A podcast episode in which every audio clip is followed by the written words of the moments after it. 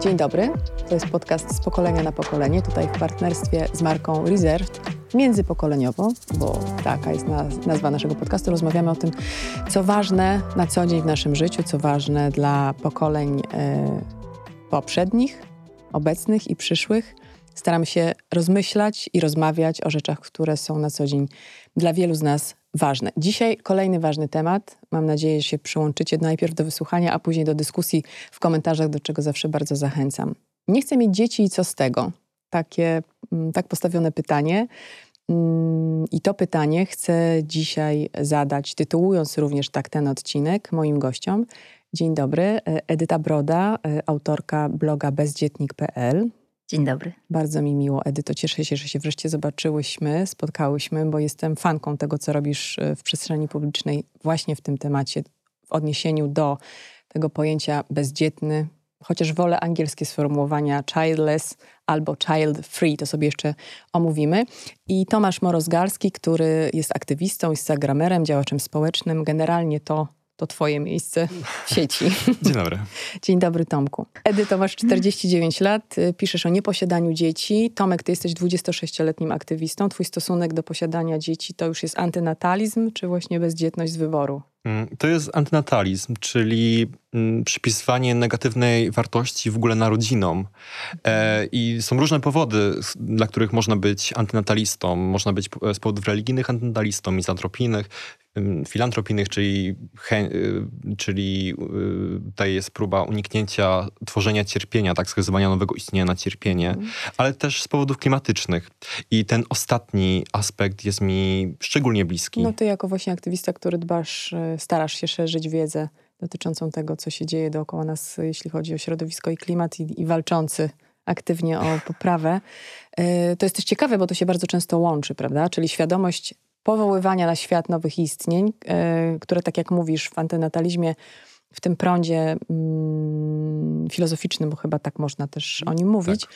E, dotyczy tego, że e, skazujemy na cierpienie następne pokolenia ze względu na to, że mamy świadomość, co się dzieje w tej chwili na Ziemi w kwestiach choćby klimatu, więc zdecydowanie o tym jest jest wobec tych istnień, które powołujemy na, do życia okrutne. Dobrze rozumiem te, te formę. Tak, i właściwie to też jest pewne wzięcie odpowiedzialności właściwie e, za dziecko, które e, musimy przygotować do, do życia w świecie, który bardzo szybko się zmienia i które właściwie nie dostanie od nas instrukcji, jak postępować. I na przykład dla mnie to jest taka odpowiedzialność, której bym wolał się nie podejmować, bo boję się pytania. E, tato, dla, dlaczego mi nie powiedziałeś, że e, co, coś się takiego e, złego dzieje? Dlaczego mnie nie nauczyłeś reagować na to? I myślę, że między mm, osobami, które mają dzieci i antynatalistami, to jest znacząca różnica, mhm. że jeżeli chodzi o między tolerancję... Osobami, które nie mają dzieci, a antynatalistami jest różnica? To chcesz Nie, między powiedzieć? tymi, które mają, mają dzieci, aha. a antynatalistami jest różnica. Bo, bo? E, pod względem e, tolerancji tego, jaki jest e, świat. Bo antynataliści tak biorą jakby z dobrodziejstwa inwentarzu to wszystko e, i stwierdzają, no, że jest źle, a ludzie, którzy posiadają dzieci, e, mają, taki, mają taki, e, tak, mają taki, takie parcie, żeby mimo wszystko nie poddawać się walczyć. Tu spadła bomba atomowa, ale nie przejmuj się, synku, założymy skafanderki i pójdziemy do tego sklepu, jak zawsze chodziliśmy. Ludzkość zawsze Będzie znajdowała dobrze. rozwiązania tak. dla konkretnych, aktualnych problemów, więc i tym razem sobie poradzi. Edyto, ty na swoim blogu, dla porządku, Żadne z moich gości nie ma dzieci. Ja mam dwójkę, więc równowaga. Poniekąd. E, na swoim blogu, w, w, takim wstępniaku widocznym dla wszystkich, napisałaś, że uważasz, że to by było wspaniałe, tak e, cytuję z pamięci, żeby ci, którzy zdecydowali się żyć na Ziemi bez dzieci, głośno o tym mówili, bo ty wiesz, że takich osób jest bardzo dużo i po to stworzyłaś tę przestrzeń w sieci, żeby mogli się tam spotkać ci, którzy z różnych powodów tak. tych dzieci nie mają, bo to nie są tylko wybory takie jak twój, tak, zdecydowany, że ty i twój mąż partner postanowiliście, że nie, nie będzie dzieci, tylko na przykład to są też osoby, przychodzą do ciebie, które nie mogą ich mieć, choć bardzo próbowały, tak? I się na przykład nie udało. Ale poczekaj, zanim się odniesiesz do tego, to chcę jeszcze tylko powiedzieć, że mm, napisałaś, że to jest bardzo istotne, żeby te osoby, które zdecydowały się żyć bez dzieci, pokazały się. Tak. Żeby było widać, jak wiele, jak wielu, jak wiele was jest. Y, masz jakieś dane, jakieś liczby, wiadomo, ile jest takich Polaków, y, Polek? Wiadomo, ile jest Polek w pewnym przedziale wiekowym, bo y, o bezdzietności y, z wyboru, czy w ogóle y, o bezdzietności ciężko pisać statystycznie, czy ciężko to ująć w liczby, dlatego że te decyzje się zmieniają. Młode kobiety, które deklarują, że nie chcą mieć rodziny, po jakimś czasie mogą jednak urodzić dzieci. Tak, i w drugą stronę. Osoby, które marzą o wielkiej rodzinie, zdarza się, że rezygnują w ogóle z posiadania dzieci. Więc dopóki kobiety nie zakończą tego okresu, okresu prokreacyjnego, to y, nie wypadną z tego okienka, y, no to właściwie trudno powiedzieć, czy, czy są bezdzietne, y, czy nie. Można polegać na, na ich deklaracjach i to jest bardzo ważne, żeby polegać na ich deklaracjach, nie mówić, to zmieni ci się w, albo, albo kiedyś zapragniesz mieć dziecko, więc to jest bardzo ważne. Od razu na początku to powiem. Ale jeżeli chodzi o te osoby, które już wiadomo, że są bezdzietne, no to wiemy, że 25% kobiet w moim pokoleniu pokoleniu, mniej więcej w moim pokoleniu, y, urodzonych y, w 1975 roku. Czyli pokolenie mm. X to tak jak ja, ja jestem tak. 7-6. 25% y, kobiet nigdy nie urodziło i już nie urodzi dziecka. Więc to jest to naprawdę dużo. bardzo dużo.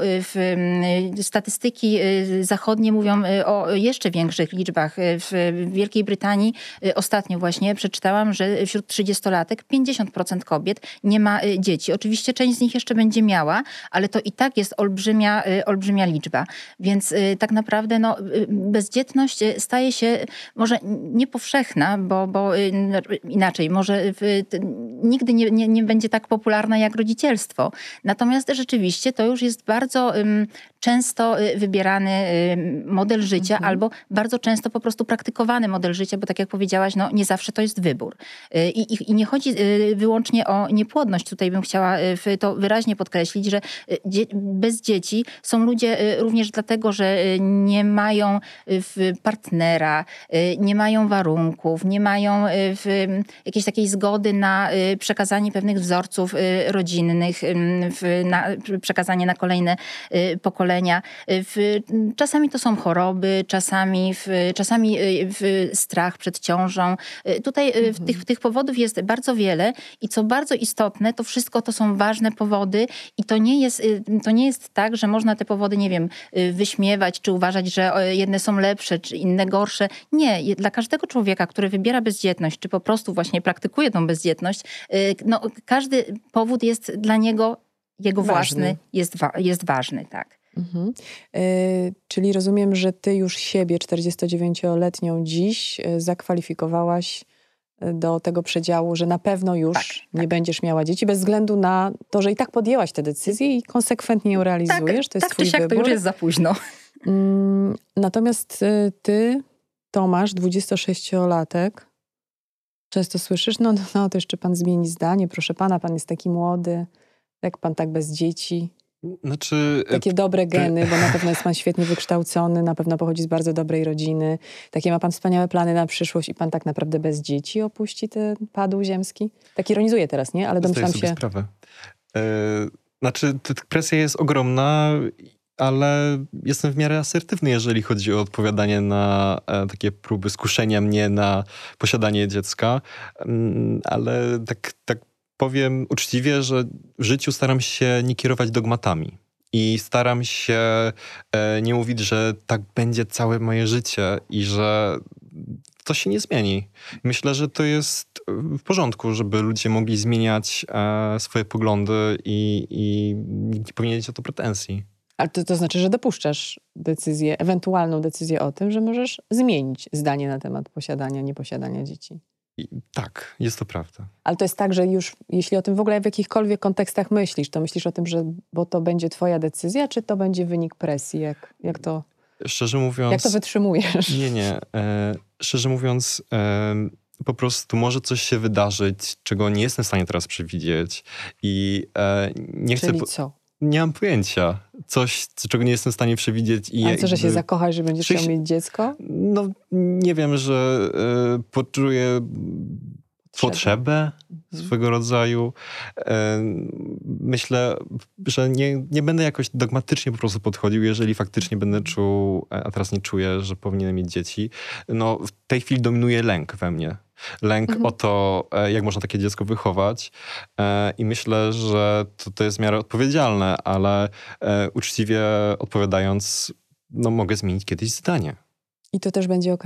Tak, może uratujemy planetę, może nagle systemowo wprowadzimy zakaz e, używania samochodów spalinowych, będziemy produkowali energię z atomu i e, damy radę. Mhm. Tak, to, to jest, to, to Tomasz ma jeszcze wciąż y, czas. My tak, jesteśmy tak, y, biologicznie jakby skonstruowane w ten sposób, że nie mamy tego czasu danego na zawsze. Tak. A teraz wracając do twoich decyzji, to kiedy podjęłaś decyzję o tym, że nie chcesz mieć dzieci i nie będziesz ich mieć? Właściwie nie, nie jestem w stanie wskazać takiego momentu. Y, czuję to tak, jakbym po prostu od zawsze wiedziała, że y, tych dzieci nie będę miała.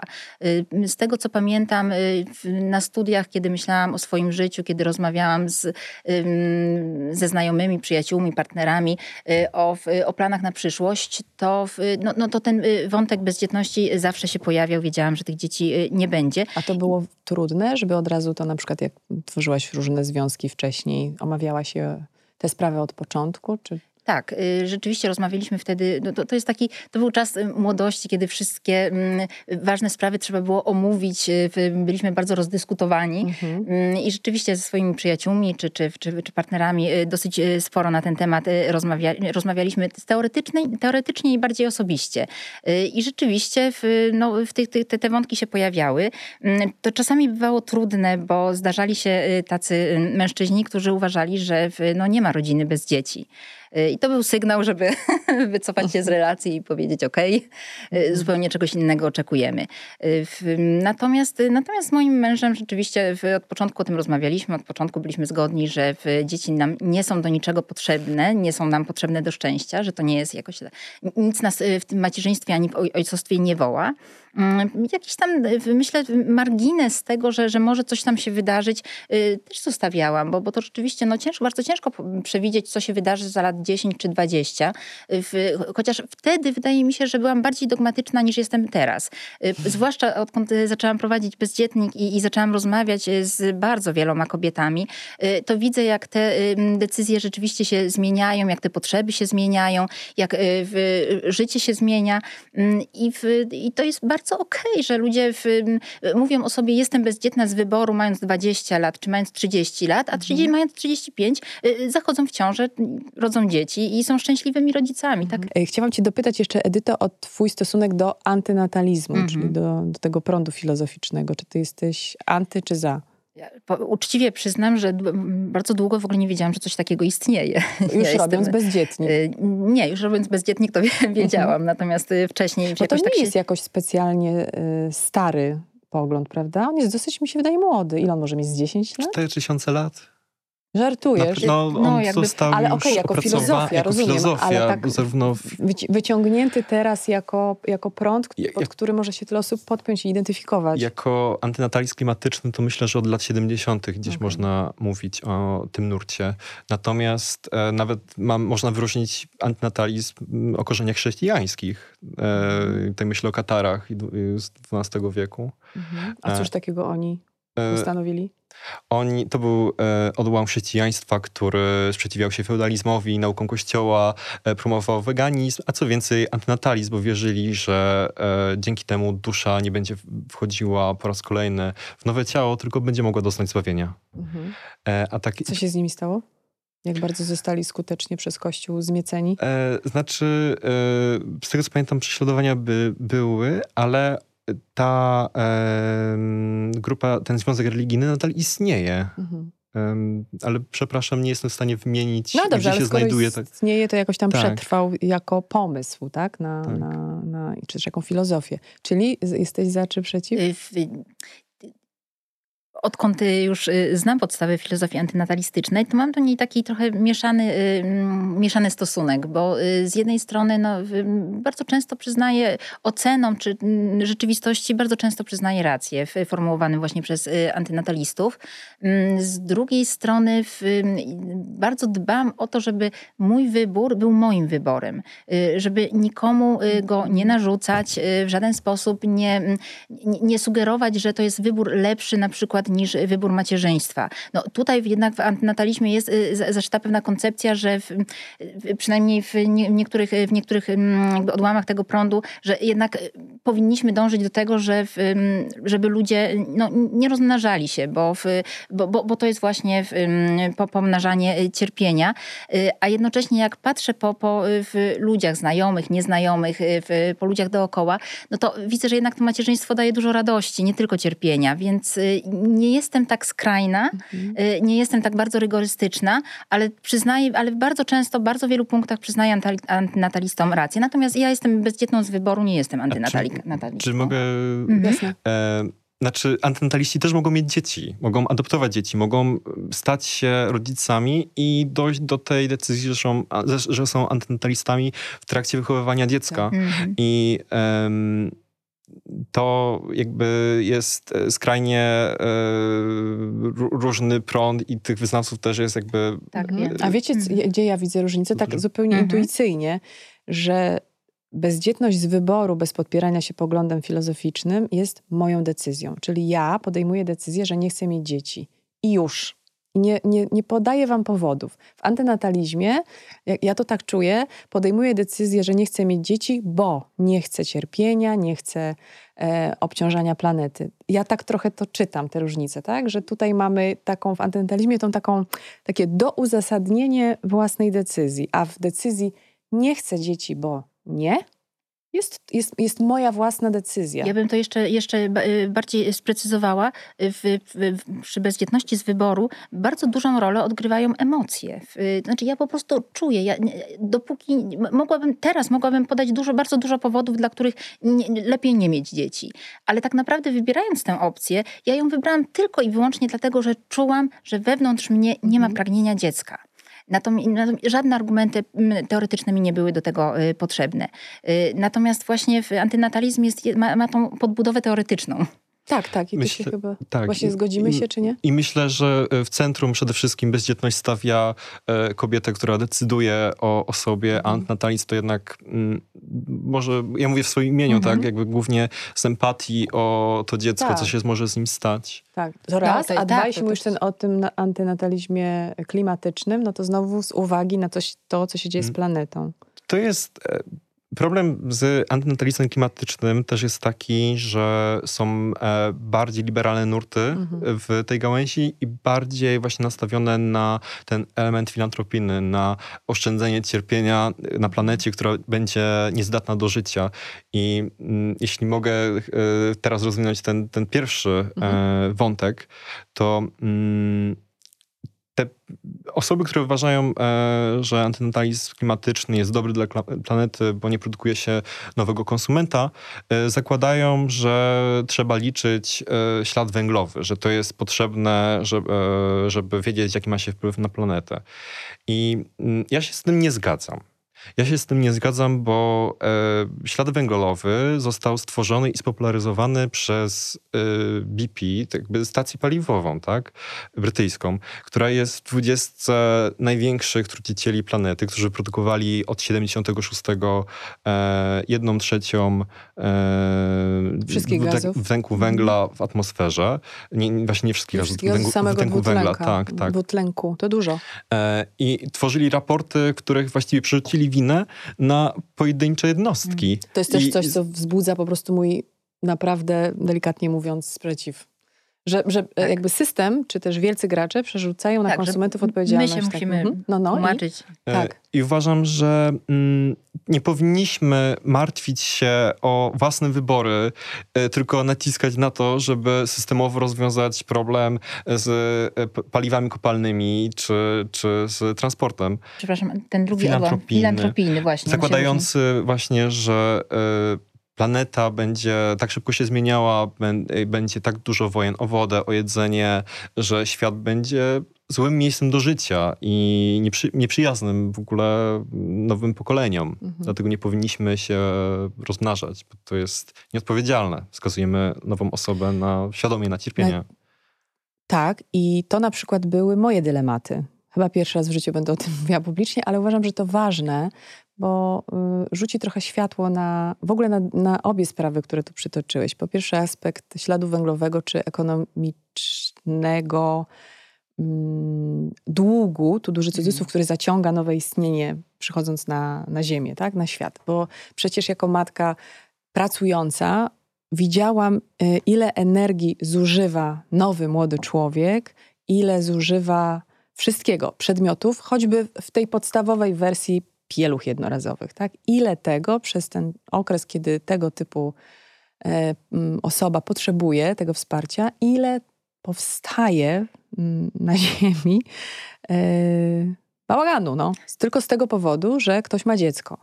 I ja z tego absolutnie wyłączam w tym momencie emocje, to, co jest udziałem mojego rodzicielstwa, bo bardzo lubię, e, jeśli w ogóle mówię o dzieciach, to lubię podkreślać istnienie obojga rodziców, jeśli, e, nie wiem, oni współpracują na rzecz tego nowego człowieka, żeby zdjąć z kobiet po prostu wieczną odpowiedzialność tak. za macierzyństwo.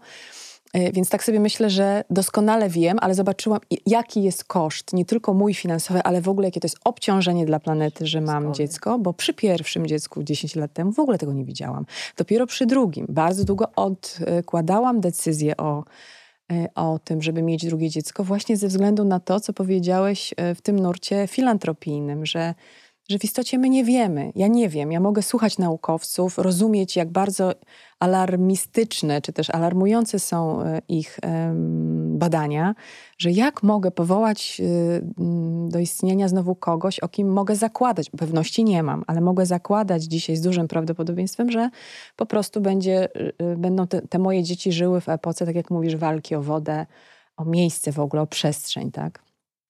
I to były, to były na przykład moje klasyczne rozkminy. Ale jest jak jest. I teraz wracamy do tego, co już powiedzieliście. Myślę znowu teraz optymistycznie. Skoro już mam tych dwoje dzieci, to teraz ja wkładam wysiłek w to, żeby je wyedukować, żeby sama swoimi działaniami robić tyle, ile jestem w stanie, żeby y, ta przyszłość, która ma je spotkać, była po prostu łagodniejsza. Chcę łagodzić skutki tego, tak? Myślę, że to jest znacznie lepsze niż liczenie. Ale wiesz, jakie to jest obciążające? Ja sobie zdaję sprawę, ale takie dbanie właśnie o to, żeby rozwiązać ten problem, myślę, że jest lepsze niż rezygnacja z jeżdżenia samochodem w ogóle, mimo że jakby oszczędzasz de facto produkcję tak. dwutlenku węgla, e, czy y, można nawet powiedzieć y, no, decyzję y, na, na, o powołaniu dziecka, tak, mhm. no, no, życia. E, bo były takie badania, nie wiem, czy czytałyście, The Guardian je e, opublikował kilka lat temu, e, w których pokazano, że powołanie nowego dziecka to jest produkcja około 60 ton dwutlenku węgla. Tak, 56 gdzie, ton.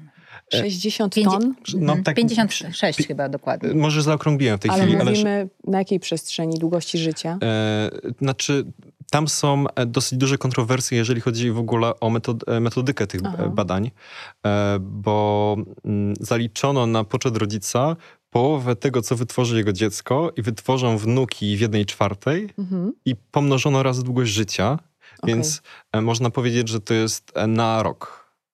60 ton? No tak, no ale jest to e, kontrowersyjne, bo per capita w mhm, Katarze jest -hmm. około chyba 48 e, ton na rok produkowane, co e, pod wątpliwość w ogóle kładzie, czy to tak, faktycznie czy to tak wygląda. tak. Tak. No ale dlatego, nadal, no ale rozumiem. Dlatego tak mhm. próbuję powiedzieć, że nie należy mm, się tak zafiksowywać na tym punkcie, że to jest nowy konsument, który produkuje tak. śmieci, e, bo de facto są rzeczy, które możemy zrobić, które są efektywniejsze, które mogą pomóc tej planecie i też pomóc kolejnym pokoleniu e, mhm. po prostu tutaj żyć. Wiesz, no to jest jeszcze ten aspekt, o, o którym na szczęście coraz częściej mówimy, że my, y, zapracowane matki, które i tak ledwo łączymy te kropki, łącząc życie zawodowe z y, prywatnym, y, z tym rodzicielstwem, jeszcze mamy ten dodatkowy element, tak, że się właśnie martwimy o ten aspekt klimatyczny i bierzemy sobie, nasze matki się tym nie zajmowały, bo prały te, te trowe pieluchy, czy tam je gotowały, no twoi rodzice to już nie, ale nasi na pewno. Y, I to był zupełnie inny czas, nie? Tak. inny świat. Y, nie, nie, nie, odkręcały nam y, w słoiczkach zupki, tylko po prostu babcie nam gotowały te przecierane zupki. Inaczej świat wyglądał, więc ten dług znowu i, i, i ta, i, i te tony tego dwutlenku węgla to była inna historia. Ale ja chcę do tych rodzinnych, bo znowu opresji chcę, mhm. do tych rodzinnych aspektów wrócić. Tobie jeszcze będą odpuszczać. Ale e, kiedy tobie odpuszczono, Edyto? Kiedy rodzina przestała się, jeśli w ogóle tak mhm. było, e, nie zgadzać z twoją decyzją? Mnie było dosyć spokojnie. Znając rozmaite sytuacje, mogę powiedzieć, że było dosyć spokojnie. To znaczy, moi rodzice z góry założyli, że po prostu będę żyła e, po swojemu i, dali mi e, prawo, Jesteś przyzwolenie. Nie, mam siostrę. A siostra ma dzieci? Siostra ma dwójkę dzieci, którą urodziła pod, pod, pod 40.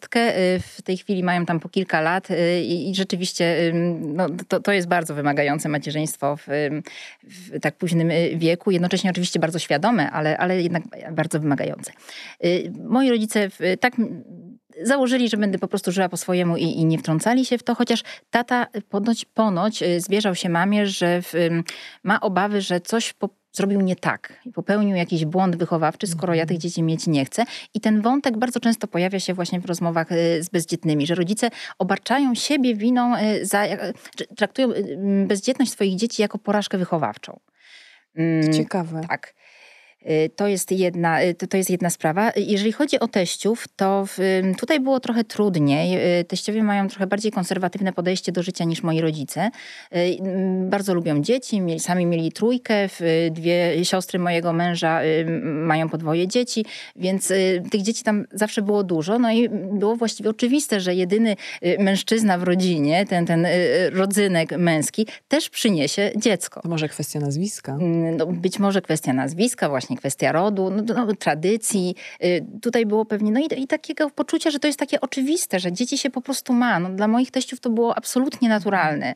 Y, nie przypuszczam, żeby kiedykolwiek sobie pomyśleli, a może jednak nie trzeba ich mieć. No po prostu dzieci się miało i tyle. Mm, więc tutaj rzeczywiście był, był y, trochę większy problem, ale ponieważ wszyscy jesteśmy ludźmi kulturalnymi, to staraliśmy się go w miarę kulturalnie rozwiązywać.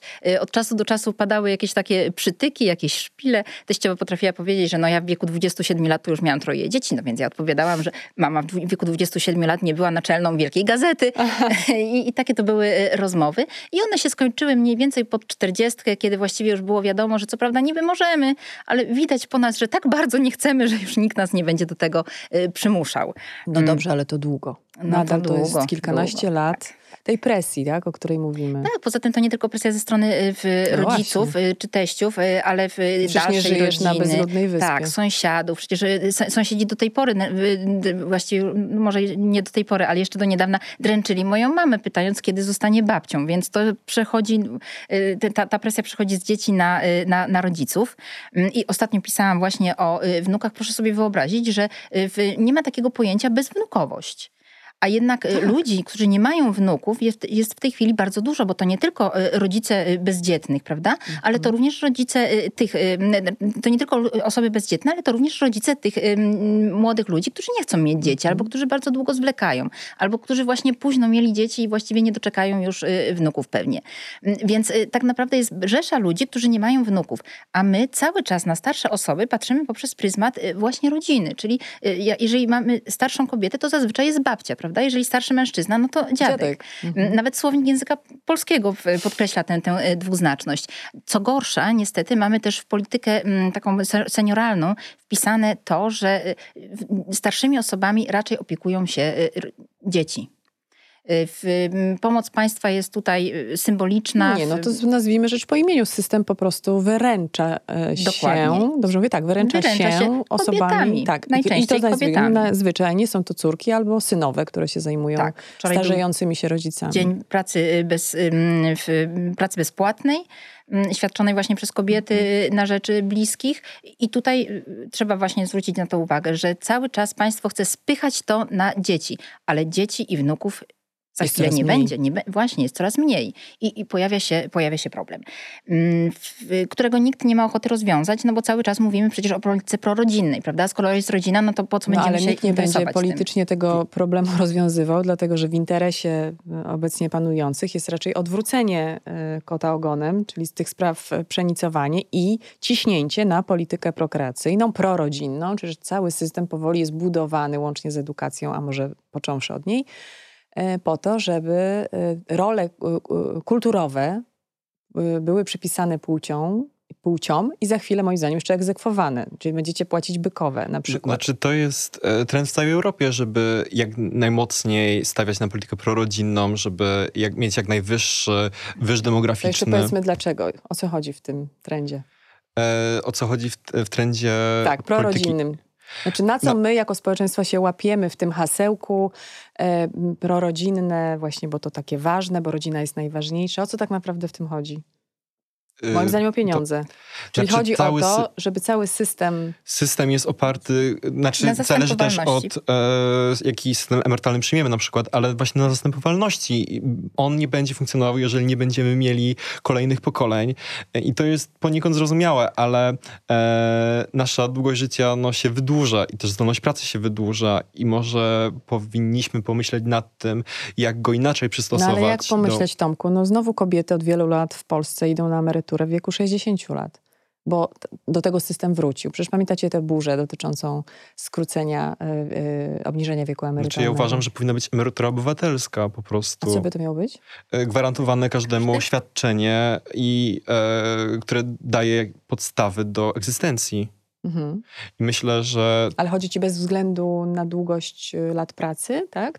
co to za projekt jest? Znaczy, to, to, jest, to jest pewnie y, zbliżone do tego dochodu obywatelskiego, prawda? Czy, czy jest, chodzi po jest... prostu o to, żeby y, państwo tak dystrybuowało swoje zasoby, mhm. żeby każdy z nas mieszkając tu mógł po prostu przetrwać, przeżyć, do, do, żeby dostawał, dostawał taką minimalną kwotę pensji czy, czy emerytury, żeby po prostu mógł przeżyć. A wszystko, co ponadto, no to już jest w jego własnej... Czyli to, co wypracowałeś, to masz ponadto, tak? A to minimum tak, jest tak. bez względu na wszystko tak. zapewnione. Dokładnie. Okej, okay, dobra, mamy to. Trzeba Nie, byłoby wtedy zrezygnować jest... z tych wszystkich ale... zasiłków, tak, świadczeń i tak dalej. Ale jest to e, osobne, osobny problem od bezwarunkowego dochodu podstawowego, który e, też jest stosowany swoją drogą w Hiszpanii na przykład. Testowany też, tak, w kilku miejscach już na świecie. Tak. No czyli, czyli znowu, ludzie na Ziemi poszukują rozwiązań, ponieważ Dokładnie. mają świadomość starzejących się społeczeństw i nie ma takiej możliwości, żebyśmy pewne dziury zatykali. Przeczytałam ostatnio jeszcze a propos liczb, bo tylko to zaraz ci damy to y, dojść do głosu, bo wydaje mi się, że to jest istotne. W 2050 mm -hmm. roku będzie Polaków o jakieś 4 miliony mniej, takie są prognozy, które mówią nam nie tylko o tym, że umrzemy, ale o tym, że się nie narodzimy, tak? W tym, tak. w tym naszym kwadracie pod tytułem Polska. I moim zdaniem na przestrzeni 28, dobrze liczę, tak, 28 lat, 4 miliony osób to jest bardzo dużo. Czyli rozumiem, jako osoba obserwująca scenę polityczną i społeczną w Polsce, rozumiem to bicie na alarm, bo e, no, wszyscy tutaj, jak siedzimy, wiemy, na czym zasadza się system tak. E, e, działający w państwie, mający utrzymać ludzi na emeryturach. Tak? Że musi być to takie dwa na dwa. A skoro mm. już od dawna jest tak, że Polki rodzą dużo mniej niż dwoje dzieci, no to robi się poważny problem. Ja bym tutaj powiedziała y, o dwóch y, istotnych y, zagadnieniach. Po pierwsze, mm, jest taka tendencja, żeby obwiniać ludzi bezdzietnych właśnie o zapaść tego systemu. Więc chciałabym tutaj rozwiać pewien mit. To nie jest wina ludzi bezdzietnych, a już zwłaszcza to nie jest wina ludzi bezdzietnych z wyboru, bo takich osób jest kilka procent w społeczeństwie. Oczywiście ludzi bezdzietnych jest więcej, ale to, to jest bezdzietność niezawiniona i niezaplanowana. Y, więc y, trudno obwiniać kogoś za to, że mu się y, tak, w życie, tak życie ułożyło, a nie inaczej, prawda? Natomiast jeżeli już mamy wskazywać palcem winnych, czego oczywiście bym nie chciała robić, ale niestety na mnie palcem bez przerwy społeczeństwo pokazuje, to jeżeli mamy wskazywać palcem winnych, najbardziej winni są ci, którzy bardzo długo odraczają macierzyństwo czy rodzicielstwo i później z jakichś względów nie mogą się załapać na, na ten rodzicielski wózek, a przede wszystkim rodzice jedynaków, bo to jest dokładnie to jest, y, y, ich jest bardzo dużo w, stosunkowo, w stosunku do y, osób bezdzietnych, a jednocześnie w, rodząc jedno dziecko w żaden sposób nie ratują systemu emerytalnego. Ale mówisz o tym, że te winy wciąż zarzuca im Y, to znaczy winę się zrzuca na mnie jako osobę bezdzietną, bo w, w, A jeżeli ty uważasz, się, że ona leży po stronie... Po stronie y, rodziców jedynaków, czy, czy rodziców, którzy chcą być rodzicami, ale właśnie w, gdzieś tam odraczają i sobie gdzieś, y, no i nie A, łapią się na to. teraz dopiero zrozumiałam tę myśl. Tak, czyli, czyli to rozumiem. Czyli jeśli ktoś zdecydował, że nie ma, to nie ma i cześć, a jeśli ktoś zdecydował, że ma, ale albo odracza, albo ma tylko jedno dziecko, to ich zapytajcie, dlaczego oni tak. Dokładnie, dokładnie tak, bo wszyscy mhm. obwiniają osoby bezdzietne z wyboru wyboru. Mhm. Ale osób bezdzietnych z wyboru jest naprawdę kilka procent w społeczeństwie. I to jest z tego, co czytałam, tam w różnych badaniach, mniej więcej stała, sta, stała, mhm. stała liczba. To nie jest tak, że nie wiem, że panuje jakaś moda, że, że my się zarażamy tą bezdzietnością z wyboru. Że no naprawdę, czasami takie, Wy się takie nie teksty... się obok siebie, a mnie już nie dotyczy. ja tylko, tylko, tylko, tylko skończę tą myśl. Natomiast właśnie, żeby była zastępowalność pokoleń, to każda kobieta powinna mieć dwoje albo troje dzieci. Więc jeżeli ktoś ma tylko jedno dziecko, to nie powinien wskazywać na mnie jako, win, jako winną y, mhm. temu, te, te, te, tej zapaści systemu, bo y, jest Sam jest współwinny winien. właśnie, czy jest współwinna. A nie masz poczucia, że system, gdzie nie ma dostępu do publicznego żłobka, gdzie kobiety z małych miejscowości nie są w stanie dojechać publicznym transportem w normalnych porach do pracy, gdzie mają szansę rozwoju, szansę zapewnienia, nie wiem, dobrego startu też dla dzieci, e, nie jest temu winien, to że one właśnie... muszą wydawać pieniądze na dodatkowe lekcje, żeby wykształcić dobrze dziecko. Przecież te wszystkie rzeczy, za które ta prywatyzacja de facto, tak, która, która jej koszty ponoszą kobiety, które muszą się martwić o dzieci, które muszą odpowiedzieć na pytania, jak je wyżywię, jak je wychowam, e, żeby e, w tym systemie funkcjonowało, żeby znalazło dobrą pracę, jak je wyedukuję. Że, no, angielski słaby w szkole, no muszę jeszcze na dodatkowe godziny. No, to są wszystkie rzeczy, które przecież są e, składowymi decyzji Oczywiście. o posiadaniu albo nieposiadaniu Oczywiście. dziecka. I... Oczywiście, ja tutaj poczyniłam pewne nadużycie, mówiąc, że ktokolwiek jest winny. Zresztą zaznaczyłam, że ja absolutnie nie chcę wskazywać palcem, bo tu nie, nie o winę chodzi.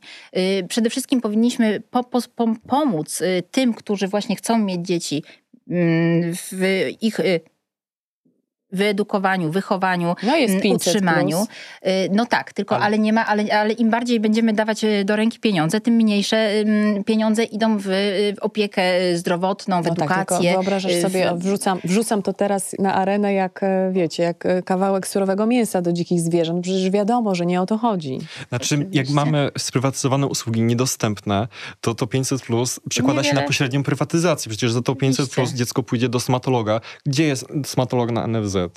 To dziecko pójdzie na dodatkowe lekcje angielskiego, no bo w szkole jest za mało. To dziecko e, pójdzie na e, jakieś dodatkowe, trzeba kupić bilet miesięczny. Gimnastykę korekcyjną no, musisz zrobić, basen musisz, To są wszystkie rzeczy, które nie są, powinny być dostępne, powinny być usługami Oczywiście. dostępnymi, powszechnymi, tak jak w normalnych państwach zachodnich e, ma to miejsce, a w Polsce no, nadal mamy jakiś model prywatyzacji pośredniej, który się przekłada też na decyzję o posiadaniu dzieci. Rozumieją hasła prywatyzacja pośrednia, rozumieją bardzo prosto, ja ci, to nie jest tak. zarzut, A, rozumieją bardzo prosto hasło dostałaś, droga mamo, cztery razy 500 złotych. I popatrz, możesz teraz wszystko. Ja jestem paradoksalnie, ja nie jestem wcale e, przeciwniczką e, tej, jak to się nazywa fachowo, zapomogi, tej dotacji, tego podniesienia jakości tego budżetu rodzinnego, tego świadcz o, świadczenia, z bardzo prostego powodu, bo ja sama wiem, pracując dla kobiet i z kobietami, jak podniosło to poziom, jak podniosło to poziom godności. No, mm -hmm. Czy mhm. można podnieść w ogóle poziom, można przywrócić tak. godność w tym sensie, właśnie tak jak mówisz, szczególnie kobietom, pośrednio ich dzieciom, tak? Bo niby są to pieniądze na dzieci, ale kobiety dostając te pule, potrafią nią zagospodarować tak, że po raz pierwszy od pięciu lat na przykład pójdą do, one do dentysty prywatnie, bo wcześniej nie było na to pieniędzy, że one wreszcie gdzieś pojadą, że one y, y, kupią nowe buty, że to są po prostu tego typu wybory. I, i dla mnie ta, ten realny zastrzyk gotówki miał wpływ na godność tych kobiet, choć już z badań wiemy, że nie miał żadnego wpływu na dzietność, że ona jest odwrotna. To był jeden z kilkunastu celów, jakie miało zrealizować ten program. No i faktycznie, jeżeli chodzi o dzietność, to się nie przyczyniło, ale na mhm. przykład e, zmniejszyła się skala dzieci, które są niedożywione. Tak. I to jest, myślę, sukces. No ale wiesz, no każda matka, która dostanie no dobrze, prawie każda, bo nie można generalizować, która, zresztą każda osoba dobra i trzeźwo myśląca, jak ma jakieś zasoby i może je y, dystrybuować pomiędzy najbardziej potrzebujących najbliższych, to zrobi to mądrze. No, szczególnie no, matki to zrobią, bo przecież wiadomo, że w Polsce kult, kult matki Polki i tego, że musisz się tam zajechać, ale masz dojechać, jest też, jest też standardem. Jaki wpływ właśnie na decyzje kobiet, które znasz? W końcu napisałaś mm -hmm. też o mhm. tym książkę. Mm -hmm. e, mm, dotyczący właśnie tego, czy mieć dzieci, czy nie mieć, miała w ogóle e, wiedza czy świadomość na temat e, właśnie porodu, e, skutków bycia w ciąży, obciążeń dla organizmu, całego ekonomicznego wymiaru. Nie mówię już o czasowym i nie mówię o emocjonalnym, chociaż one też są składowymi. Całego tego pakietu energetycznego w tym sensie mm, potrzeby wydatkowania czasu i energii na to, żeby mieć dziecko. Jak bardzo kobiety mają świadomość tego, na co się piszą, jak będą matkami. Powiem tak, y, z jednej strony, kiedy czyta się, czy, czy właśnie kiedy y, rozmawia się z matkami, to bardzo często pada takie hasło, no ja nie wiedziałam, na co się pisze. Y, A to już jest post factum. Nie? Tak. Natomiast y, kiedy ja rozmawiam z takimi młodymi bezdzietnicami, to powiem szczerze, że jestem zaskoczona. Bezdzietnica. Tak. Ładne. Czarownica. Chociaż niektórzy mówią jak cierpiętnica, więc, y, nie. Ale, ale mi się też to słowo bardzo podoba. Wiem, że Małgorzata Halber pożyczyła je ode mnie, w, do, do, w ten sposób nazwała swój felieton właśnie o bezdzietności z wyboru i to też bardzo mi się spodobało. Naprawdę bezdzietnica ma moc. Myślę, tak. że to jest fajne słowo. Y, natomiast y, jak rozmawiam właśnie z młodymi bezdzietnicami, to y, jestem pełna podziwu dla ich wiedzy, dla ich dociekliwości i jeżeli, o ile właśnie mm, w to macierzyństwo często się wchodzi spontanicznie albo z bardzo takich pobudek jakby, no, różnych, które nie biorą pod uwagę tego, jak to macierzyństwo będzie wyglądać, o tyle w, ta, te decyzje o bezdzietności, one naprawdę są przemyślane. W, w tej chwili oczywiście decyzje o macierzyństwie to, to, to też są przemyślane decyzje i to też jest wybór. Zresztą ostatnio wyszła bardzo fajna książka mm, Karoliny Lewenstam bodajże, być może przekreślam tutaj, przekręcam y, nazwisko. Nazwisko dobrze, no. Mm, pod tytułem y, w Pasterze Smoków i ona tam przeprowadza taki bardzo ciekawy mm, wywód, y, w jaki sposób podejmowała decyzję o dzietności, dziecku. o mhm. pierwszym dziecku, o kolejnych dzieciach i to rzeczywiście jest bardzo złożony proces podparty rozmaitymi prądami filozoficznymi, więc Y, w tej Karolina chwili... jest filozofką, tak, więc tak. Y, więc w tej chwili oczywiście y, macierzyństwo to też jest wybór i, i, to też jest taki bardzo świadomy wybór. Bardzo często zdarza się, że jest wpadką, prawda? Tak samo jak zdarza się, że bezdzietność mm, jest po prostu niewybrana, zsyłają, zsyłają los. Ale jeżeli ktoś mówi o sobie jestem bezdzietna czy bezdzietny z wyboru, to zazwyczaj ma to naprawdę bardzo dobrze przemyślane, odczute, mhm. przepracowane i, i tam rzeczywiście ta świadomość obciążeń związanych z porodem, z ciążą, z wychowaniem y, dzieci jest y, bardzo wysoka. Tak, tak nie wiem, jak to mm, wygląda w, w, całej populacji, natomiast y, wśród tych kobiet, które do mnie piszą, które ze mną się kontaktują, które u mnie komentują rozmaite wydarzenia na, na, na blogu, to, to, to tak właśnie wygląda. I to jest naprawdę budujące, chociaż cały czas dostaję takie głosy, żeby chciały wiedzieć więcej, czyli na przykład jak, z, jakimi, z jakim ryzykiem wiąże się poród. Tu, tu bardzo często pojawia się to pytanie, a z drugiej strony też y, dosyć często czytam, że młode kobiety mają tokofobię. Co to jest? Y, to jest y, taki chorobliwy lęk przed ciążą i porodem. I, I, to z mojej perspektywy to zaczyna być już problemem społecznym. To znaczy, ja nie wiem, czy to potwierdzą socjologowie, czy, czy nie wiem, ginekolodzy. Nie wiem, jaki, jak, jak często się z tym spotykają, ale wśród kobiet, które wybierają bezdzietność, to się, to się zdarza naprawdę często.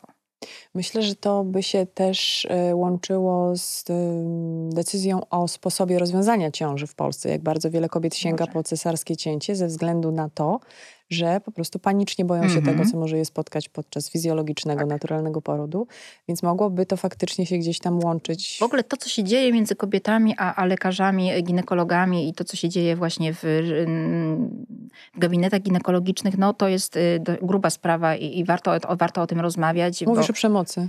Y, mówię o przemocy symbolicznej, takiej słownej. Tak, tak, tak. tak. No, no, to jest jakiś rodzaj wyższości. Pozwalam sobie na zgodzenie się z tobą, bo współpracuję z Fundacją Rodzic po ludzku, mm. więc mam um, od czasu do czasu jakiegoś rodzaju wgląd w, w styl, nazwę to górnolotnie, w jaki lekarze, położnicy, niestety położne zresztą też traktują w Polsce kobiety rodzące, więc rozumiem, że może w istocie istnieć taka, e, mm, taki strach przed tak, byciem tak. w ciąży i rodzeniem I w tych warunkach. nieufność wobec lekarzy. Ale jeśli mielibyśmy przenieść ciężar odpowiedzialności na drugą stronę, czyli męską, pojawia się po prostu jakaś histeria i tu dochodzimy znowu do tego, o czym ty mówiłaś. Dlaczego dziewczyny czy młode kobiety, które wykonały ogromną pracę, żeby się na przykład wykształcić, zdobyły super pracę, e, jeżdżą po świecie, no, w różnych warunkach światowych powoli mm, chciałam powiedzieć, wracamy do normalności, to nieprawda, ale że jakby te możliwości dla nas są, tak? Przestałyśmy być solą w oku dla mm, wykładowców na uczelniach, jak jeszcze 120 lat temu. E, więc jakby ma, mamy spektrum możliwości, możliwości. do skorzystania. Mm -hmm. No i jeśli, no jeśli właśnie po prostu mamy na przykład obok siebie partnera, który e, nie chce wziąć odpowiedzialności za to, nie mamy żadnych, czyli raz, czyli nie mamy pewnych pewnych mężczyzn czy hipotetycznych ojców dla tych mm. dzieci, których chciałybyśmy mieć, to nie będziemy ich miały. Jeśli mamy niestabilną sytuację światową, nie podejmiemy decyzji o posiadaniu dzieci. Jest jeszcze więcej, tak mi się wydaje, tych e, czynników, o których mówiłaś, dla których kobiety po prostu decydują się być, i tu dochodzimy do tego, na czym bardzo mi zależało, childless, czy mhm. child free. Jaka jest różnica? Bo mi się bardzo podobają oba słowa. Czy one są jakoś podobne? Y, to, no, właściwie, mm, no, właściwie nie, bo childless, y, czyli y, to jest nieplanowana i nie, czy niezamierzona bezdzietność. No taka bezdzietność, którą zsyła los. Okay. Niepłodność, w rozmaite czynniki, które przeszkadzają w zajściu w, w ciążę. Natomiast child free to jest słowo, które którym po prostu no, no, bije taka pozytywna energia. To jest po prostu rzecz wybrana, y, planowana, y, rzecz, którą, którą kobiety się cieszą, z której są dumne.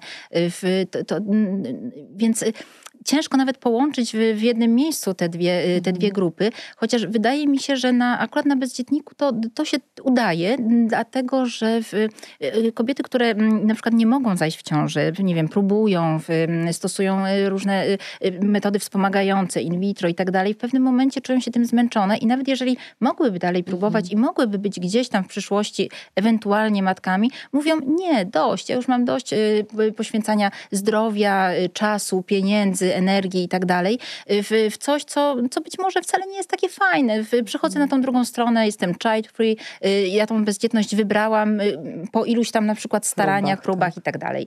Więc y, tutaj te, te, te, te grupy właśnie mogą, mogą się jakoś tam przenikać. Mm, czasami jest tak, że jestem child free, a później chcę mieć dziecko i okazuje się, że, że, że już nie mogę, prawda?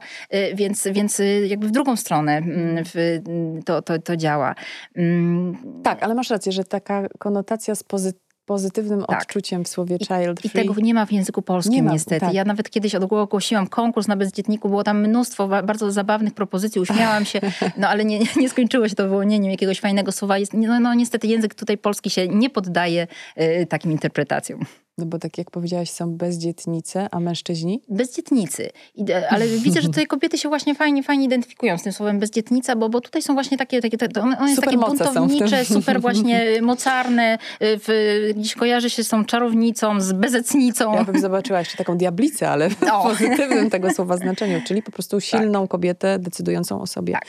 Słuchajcie, a czy wy znacie... Um, taki pogląd, że istnieje niepisana wojna pomiędzy tymi, którzy mają dzieci, a tymi, którzy ich nie mają? Znaczy, e, nie słyszałem o tym, natomiast Dobra, miałem poczucie, e, że jak opowiedziałem o antynatalizmie klimatycznym, to e, moje koleżanki, które są mamami i którym też zależy na planecie, zostały jakoś przeze mnie zranione, jakąś taką urazę e, do mnie żywiły, co nie było absolutnie moim celem, o nich nie myślałem, e, opowiadając o tym wszystkim. Poczuły się winne, że one... Tak, i chciałem mhm. właśnie powiedzieć, że poczuły się winne e, przez to, co powiedziałem. No ale to, tak jak Edyta podkreślała wielokrotnie, ja też się pod tym podpisuję, to jest wybór każdej osoby. Mhm. I nikt nie powinien na niego wpływać, ale posiadanie wiedzy na ten temat, z czym wiąże się macierzyństwo, dlaczego na przykład jesteśmy antynatalistami, pozwala podjąć tę decyzję w sposób pełny, świadomy. Mhm. Pytam o to, dlatego że ja zostałam ostatnio w jednym z wywiadów zapytana o to, jaki ja mam stosunek do osób, które nie mają dzieci, będąc sama matką i czy coś wiem o tym, że najczęściej ze strony osób, które posiadają dzieci, w stronę osób, tu już trochę mówiłaś o tej winie, cudzysłów, mm -hmm. w stronę osób, które zdecydowały się tych dzieci nie mieć albo los za nie zdecydował, e, że tak wjeżdża jakaś taka, taki rodzaj pretensji, że nie wiem, że macie łatwiej, że, e, że, że, że macie więcej, no nie wiem, właśnie czasu, nie wiem, pieniędzy. Co jest, ja pamiętam, że usłyszałam to pytanie i się wyprostowałam, bo nie wiedziałam właściwie, jak się do niego ustosunkować, bo byłam w stanie je przeczytać tylko na, na takim ogólnoludzkim poziomie, że jak ktoś ma w ogóle problem, nie, to go w, w, życiu to go znajdzie wszędzie, nawet w tym, że sąsiadka ma troje dzieci, a ja nie mam, nie? I to będzie jakiś, jakiś punkt y, zapalny do, nie wiem, do nawalania się, co nie jest w ogóle... I pomyślałam sobie, że chyba tylko mogę traktować takie pytanie w kategoriach żartu, że my, którzy mamy dzieci, wiemy, jak mamy przerąbane, więc w sensie nie mamy czasu, jesteśmy przeciążeni, możemy wam zazdrościć, albo nie wiem, nie tyle zazdrościć, co, co chcieć dla was tak samo przerąbanego świata, jak mamy my. Ale sama się potem zaczęłam z tego śmiać i wycofywać, no bo co to jest za argument? To w ogóle nie jest to. W ogóle nie jest to. Ale zobaczyłam w tym pytaniu inną rzecz, bo pyta, osoba, która mnie o to pytała, też jest kobietą po czterdziestce, bezdzietnicą że, że chyba to bardziej dotyczyło tego, że może e, pracujące matki są traktowane przez pracodawców lepiej niż kobiety, które są bezdzietnicami. Czy tak może być w istocie? Znaczy powiem tak. Y, Ulgowa jeżeli... taryfa, tak? Bo ciąża to zwolnienie, bo ty nie musisz biec do żłobka przedszkola odebrać dzieci. No masz więcej czasu, to możesz zrobić robotę za pięć osób. Powiem tak, y, z mm, perspektywy osób bezdzietnych kontakty z rodzicami bywają trudne, na bardzo wielu płaszczyznach. Y, osoby bezdzietne skarżą się, i ja to sama przerabiałam na własnym, y, na własnym przykładzie, że w momencie, kiedy pojawiają się małe dzieci, rozpadają się przyjaźnie albo rozpadają się jakieś tam y, związki towarzyskie, no bo zaczynamy po prostu funkcjonować w zupełnie różnych światach, to budzi trochę goryczy. W pracy bywają naprawdę duże, duże spięcia, bo, bo tak jak powiedziałaś, osoby które mają y, dzieci są, bywają po prostu lepiej traktowane i oczywiście na takim ludzkim poziomie my wiemy, że no, no czasami trzeba ulżyć tej matce, jeżeli ma tyle tych obciążeń, ale z drugiej strony, jeżeli to się nawarstwia i nawarstwia, powtarza co rok, y, bo każde święta to trzeba mieć dyżur, bo, bo jak delegacja to zawsze jedzie y, osoba bezdzietna i, i wiele takich sytuacji w pracy się zdarza, no to przestaje, by, jakby ten, ten pierwiastek ludzki tutaj zaczyna trochę mm, w, zamierać, natomiast mhm. pojawia się znowu rozgoryczenie, żal i, i złość, dlaczego tak. ja muszę ponosić konsekwencje cudzych y, wyborów. wyborów. No bo ktoś zdecydował się, a tutaj nagle okazuje się, że mm, wszyscy dookoła muszą, y, muszą pomagać. No, żyjemy też w bardzo takim indywidualistycznym świecie i trochę jest trochę tak, że ty sobie wybrałeś, to ty sobie, sobie z tym radź. Mm, już nie ma tej takiej y, globalnej wioski, znaczy tej, tej takiej wioski, która pomaga wychować, wychować dzieci. To jest bardzo złożony problem, bo, bo znaczy, czy problem, czy temat, bo w, z drugiej strony mm, rodzice też wychowują te dzieci w taki sposób, trzymajcie się wszyscy z dala.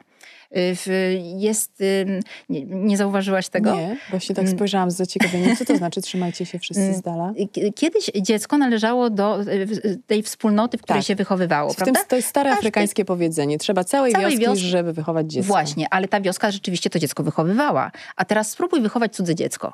Powie, powiedz, nie wiem, zwróć mu uwagę albo w, jak, w, jakikolwiek sposób włącz się do procesu, to od razu usłyszysz, że to nie jest twoja sprawa. To prawda. I, i, i to, to widzimy w takich cząstkowych sytuacjach, ale jak się spojrzy na to globalnie, to okazuje się, że dzieci po prostu stały się absolutną, prywatną własnością rodziców, ale w związku z tym też y, y, rodzice muszą wziąć pełną odpowiedzialność właśnie. I jeżeli ktoś mi mówi, ty się nie wtrącaj, to ja mówię, to w takim razie ty nie, nie, nie żądaj ode mnie żadnej pomocy. Mm, I tutaj tutaj się te, te dwie grupy rzeczywiście rozpadły. Tak się mhm. społecznie po prostu rozpadły. Tak. Nie na poziomie jednostkowym, ale, ale wręcz społecznym. Ja, ja naprawdę widzę tutaj duży, mm, du, no, no, no, duże takie właśnie zagadnienie do, do, do omówienia i obadania. Mm, ale z drugiej strony mm, ta... Y, no, rzeczywiście ta niechęć y, bywa z, z, obu stron jakby ujawniana. Mi się zdarzyło napisać na, na Bezdzietniku kiedyś y, taki tekst o, y, właśnie o ginekologach i tam jako pierwsze, jako pierwszy akapit pojawił, pojawiła się taka informacja, że u ginekologów zazwyczaj atakują nas brzuchy. Y, bo jak idę do ginekologa, to ja, ja się czuję tak, jakbym poszła no, do, no do tak, położnika. bo chodzisz do tego samego, do no, którego chodzą kobiety w ciąży. No, no tak, i cała, mhm. cała poczekalnia jest obklejona właśnie mhm. kobietami w ciąży, wszędzie hasła o ciąży. I, i, I, oczywiście, jeżeli ja jestem tak absolutnie pewna i w ogóle to nie patrzę na to, nie widzę, idę po swoje i, i wychodzę. Ale generalnie czuję się trochę jak persona non grata w takim miejscu. Mhm. Natomiast y, jeżeli ktoś jest, nie wiem, niepewny albo, albo nie może mieć dziecka, no to też nie jest dla niego zbyt, zbyt fajne, że wszędzie dookoła te dzieci y, w symbolicznie i fizycznie i w ogóle pod każdym względem y, są. Ja to napisałam. I straszną awanturę wywołałam właśnie, bo, bo, bo przyszła, przy, przyszły osoby, które mają dzieci i stwierdziły, że w ogóle co ja sobie tutaj, że, że co mhm. to już nawet brzucha nie można pokazać, że dziecka nie można mhm. pokazać. Jakby tą moją manifestację bezdzietności y, osoby dzietne odbierają bardzo często jako jakby próbę ograniczenia ich przestrzeni społecznej. Rozumiem. I, i, i, I rzeczywiście mm, tutaj się toczą takie boje. Ale powiem jeszcze, że największe boje tak naprawdę, przynajmniej z mojej perspektywy, toczą się wśród osób bezdzietnych. Między sobą? Tak, nigdy tyle, tyle hejtu nie odebrałam. Od nikogo tyle hejtu nie dostałam, ile, ile właśnie od y, osób bezdzietnych z wyboru. Za co? Y, za, za różne rzeczy. Jeżeli jestem właśnie zbyt wyrozumiała wobec rodziców, no to tutaj się podejrzewa, że to się narażam, tak. Y, a może na przykład, a jak oddaję forum na przykład osobom, które nie mogą mieć dzieci, no to prawdopodobnie ja też dzieci nie chcę mieć, jestem tylko takim przyszywanym, znaczy takim farbowanym bezdzietnikiem. A tak naprawdę to ja marzę o dzieciach albo w ogóle mam już ich całą gromadkę, tylko chowam pod, pod tym, pod łóżkiem. Także naprawdę to, to, to jest, mhm. to jest Ty internet. się aż uśmiechnąłeś, Tomek, ciebie to też dotyczy? E, tak, bo na grupach dla antynatalistów istnieją takie, E, też są takie kłótnie, tylko na przykład o to, czy się lubi dzieci. I tak, ludzie tak. naprawdę A to jest zaczynają się nie na... pytanie. Lubicie dzieci? Ja nic do dzieci nie mam. Jakby, A ja nie to, lubię. To jest w porządku. Bingo. Jakby, no.